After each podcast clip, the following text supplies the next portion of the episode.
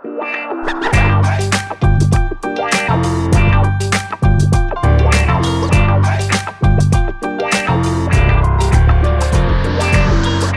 welkom bij een nieuwe aflevering van een podcast over voeding. Uh, de eerste van het nieuwe jaar. In deze podcastserie gaan we in op de wetenschap achter voeding en laten we wetenschappers aan het woord over allerlei thema's die met voeding te maken hebben. Bart Mol van I'm Foodie is er ook dit jaar gewoon weer bij. Hoi Bart. Hey Arnoud, goedemorgen. Ik barst van de goede voornemens, ouwe overigens. Ja, dat, uh, dat, uh, ik, ik, ik, zie dat je het bruggetje legt, dus daar ga ik gewoon overheen lopen. Ja. Uh, we hebben vandaag natuurlijk weer een broodje Jaap voor je. De, de rubriek binnen een podcast over voeding, waarin we bellen met Jaap Seidel en binnen een kwartier, soms iets meer, een actualiteit doornemen. Jaap Seidel hebben we daarvoor nodig en die is er ook. Hoi Jaap. Ja, ik ben er ook weer. Ja. Ik heb geen goede voornemens. Helemaal niet. Nee. Ik wilde het je net vragen. En, en, en, Bart heeft ze dus wel. Wat vind je daarvan, Jaap, als mensen met goede voornemens op het gebied van voeding uh, bij je aankomen? Nou ja, eigenlijk, ik maak elke dag een goed voornemen. Uh, maar uh, het heeft niet zoveel zin. Hè? Het is zo'n ritueel geworden. En het mm -hmm. zijn altijd dezelfde lijstjes. Ik, ik ben natuurlijk al heel oud en zo. Dus dat wordt elk jaar is dat dan in januari, weet je afvallen. vroeger was het ook al stoppen met roken. Dat is een beetje uit de mode, want de meeste mensen zijn al gestopt of zijn verstokte rokers. Uh, gezonder eten, meer sporten, uh, nou, liever zijn voor je, voor je familie en dat soort dingen. Uh, dus, dus het is wel goed om daar even bij stil te staan. Maar we weten ook uit de statistieken dat die goede voornemens eigenlijk alleen maar ritueel zijn. Om het even, weer te zeggen. Ik, ik, weet dat sportscholen die geven ook altijd weer zo'n abonnement. Hè. Dan, uh, je kan het hele jaar gratis sporten. Voor waar, ehm, als je een abonnement neemt voor de eerste drie maanden of zo. Uh, want ze weten al dat nou gewoon na drie keer, dan stop je weer. Ja. Uh, en dan, he, voor hun is het een win-win uh, situatie. Je krijgt door reductie in prijs krijg je een heleboel nieuwe leden en die komen dan vervolgens niet meer. en dat is met uh, diëten eigenlijk hetzelfde. Hè? Dus mensen vallen wel een beetje af, want ze zijn na de feestdagen wat aangekomen. En ehm, ja, die moeten er dan weer af en dan komt de zomer en de lente er weer aan.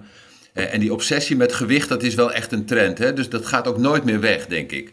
Uh, maar het blijkt uit een uh, onderzoek bij Trendwatchers dat ze weer voorspellen dat de slankheidsrage weer gaat toenemen.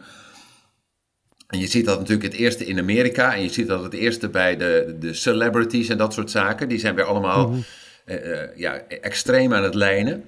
En dat wordt enorm gevoed ook door social media. Dat, vroeger had je natuurlijk ook media, hè, damesbladen en zo heette dat dan. Weekbladen, Libelle en Margriet. Daar stonden altijd afslankrecepten in. Maar uh, nu het bereik met social media, dat bereikt dus ook hele jonge kinderen. En mijn studenten hebben de afgelopen maanden veel onderzoek gedaan naar uh, ongezonde marketing, zou ik maar zeggen, van ongezonde gewoontes uh, door social media. En ze zijn echt totaal verbijsterd geraakt. Want dat is explosief toegenomen de afgelopen jaren. Dus dan heb ik het over TikTok, Instagram, Snapchat, dat soort dingen.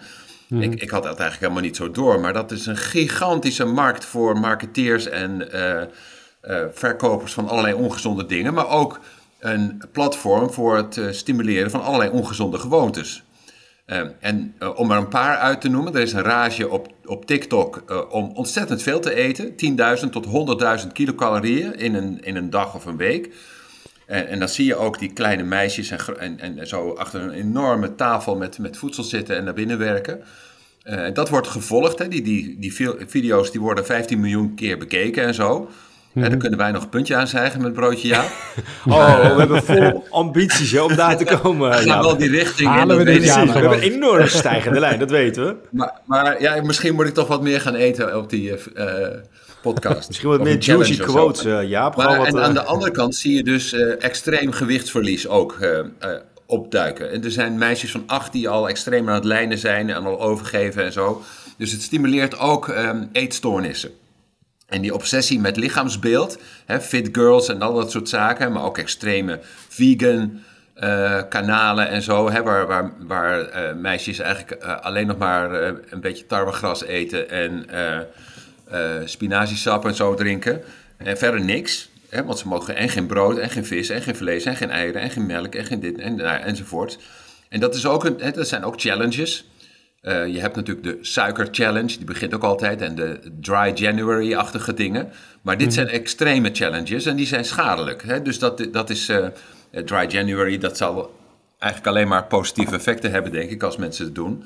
Maar dat extreem overeten en ondereten, wat, ja, waar heel veel kinderen obsessief naar kijken, uh, want dat blijkt niet alleen. Hè, dus niet alleen zijn de uitgaven in marketing uh, in die social media enorm gestegen de afgelopen jaren. Echt verzesvoudigd of zo. Hè. Dus in, en de grote merken komen altijd weer voorbij. Hè, fastfood, frisdrank, dat soort dingen. Energiedrank. Vaping is ook een heel populair maar, uh, ja, iets. Even, even een vraagje. Dan bijvoorbeeld uh, die trends of uh, challenges die jij noemt, ja. bijvoorbeeld op een TikTok en zo. Um, is dat, komt dat uit de mensen zelf die dat doen? Of zitten er van die producenten achter die gewoon zoiets, een soort van aan de onderkant aan het stimuleren nee. zijn, dat het dan opeens, dat er dan, als je nee, die 10.000 calorieën moet doen, is dat gesponsord door een een of andere, ja, uh, suikerpartij of iemand, iemand die al die benden stimuleert. Van, joh, nee, gaan we de hele dag uh, snickers eten.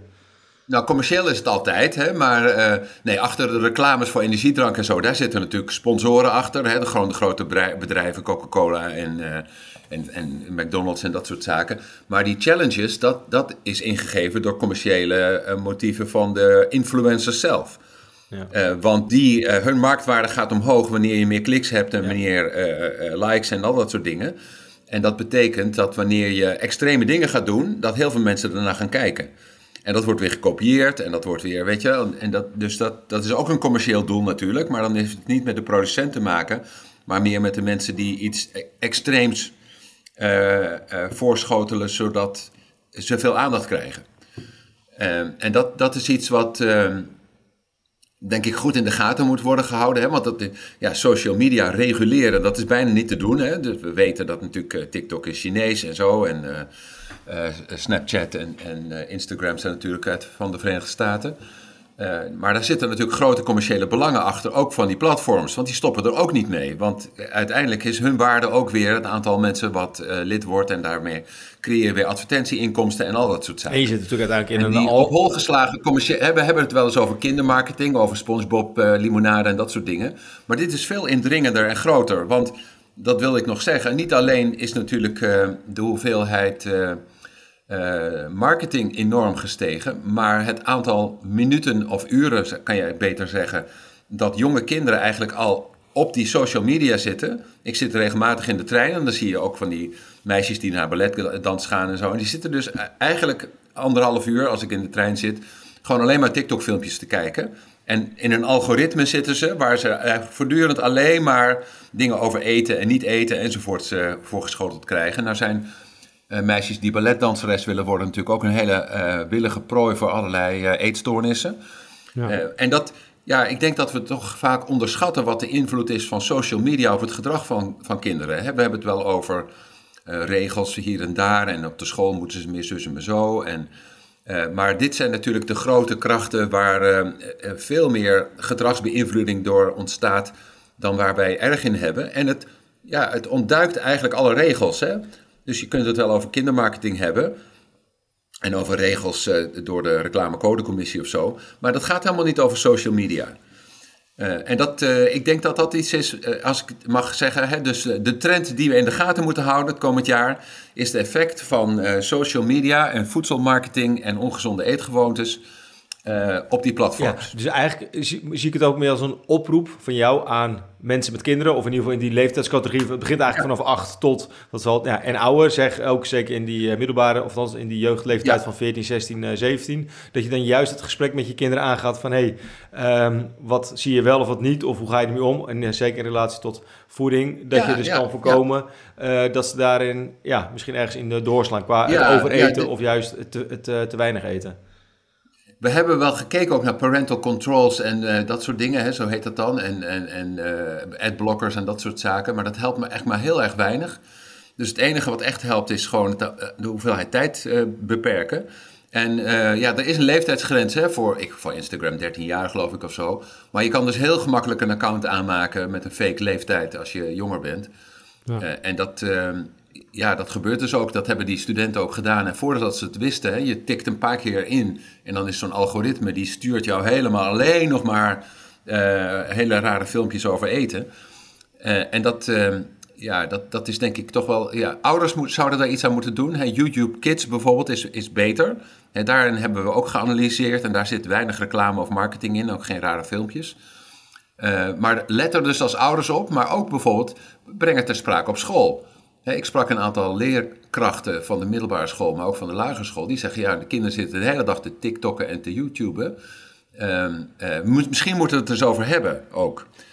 Uh, en dat uh, ja, maar, maar, maar ligt, is denk ik iets waar... Maar, maar, ligt, ligt daar dan ook nog een opdracht voor de ja, gezondheidsfondsen of een voedingscentrum... die zich dan daarin meer of beter moeten ja, profileren? Ik, ik, of is dat echt een beetje vechten beetje... tegen de bierkaai? Nou, het is een onbesproken... Nou ja, dat weet ik eigenlijk niet. Kijk, er zijn natuurlijk ook wel landen waar de toegang tot TikTok heel erg beperkt is. Hè? En dat, ja, je kunt verboden die parental controls en leeftijdsgrenzen natuurlijk veel strikter... Hè, dat, dat je een nou ja, weet ik, je, je, moet je legitimeren of wat dan ook, hè, dus dat, eh, dat zou best kunnen. Maar ik denk dat we er een beetje te gemakkelijk overheen stappen. En ik denk dat de schadelijkheid van social media iets is waar we het veel te weinig over hebben gehad. En dat zou mijn goede voornemen dan toch zijn voor volgend jaar. En ligt er ook nog, want we hebben het nu over diverse groepen gehad die er wat aan kunnen doen. Ouders, uh, school. Overheid. ja, maar denk je dat er ook een politieke opdracht ligt om dit soort sociale media aan banden te leggen? Of ligt er iets om regels voor influencers ja, te komt, stellen? Er komt een Europese wetgeving aan. Uh, die komt in 2024 en daarin wordt het nog strenger verboden om je te richten op jonge kinderen. Nou zijn die wetgevingen op het gebied van social media wel heel erg lek, hè, dus je kunt er makkelijk omheen. Ehm, eh, maar dat er meer uh, aandacht moet komen voor wat er eigenlijk allemaal gebeurt met de gegevens van onze kinderen, maar ook de beïnvloeding door onze kinderen. Door platforms waar we geen vat op hebben en waar ze vandaan komen, wie erachter zitten, wat de boodschappen zijn, wat de effecten zijn. Daar zouden we veel meer bij stil moeten staan als maatschappij en dat dus ook de politiek. Ja, en waar ik het ook nog even met je over wilde hebben, is uh, ook in de hoek van goede voornemens, en je noemde het al even, maar dingen als Dry January. Ja. Um, ik heb het idee dat ik daarover afgelopen maanden heb gelezen dat dat heel positieve effecten heeft. Hoe, hoe sta jij daar tegenover? Ja, ja, dingen zoals Dry January, je hebt ook een suikerchallenge en zo elk jaar. Uh, dus probeer het eens gewoon een maand. En dan heel veel mensen merken uh, dat blijkt uit onderzoek. Dat, dat, eigenlijk, dat ze zich echt prima voelen. En dat het heel goed kan zonder uh, drinken en uh, veel suiker en veel enzovoort. je hebt ook vegan challenges en dat soort zaken. Dan merken mensen ook wat, wat het is.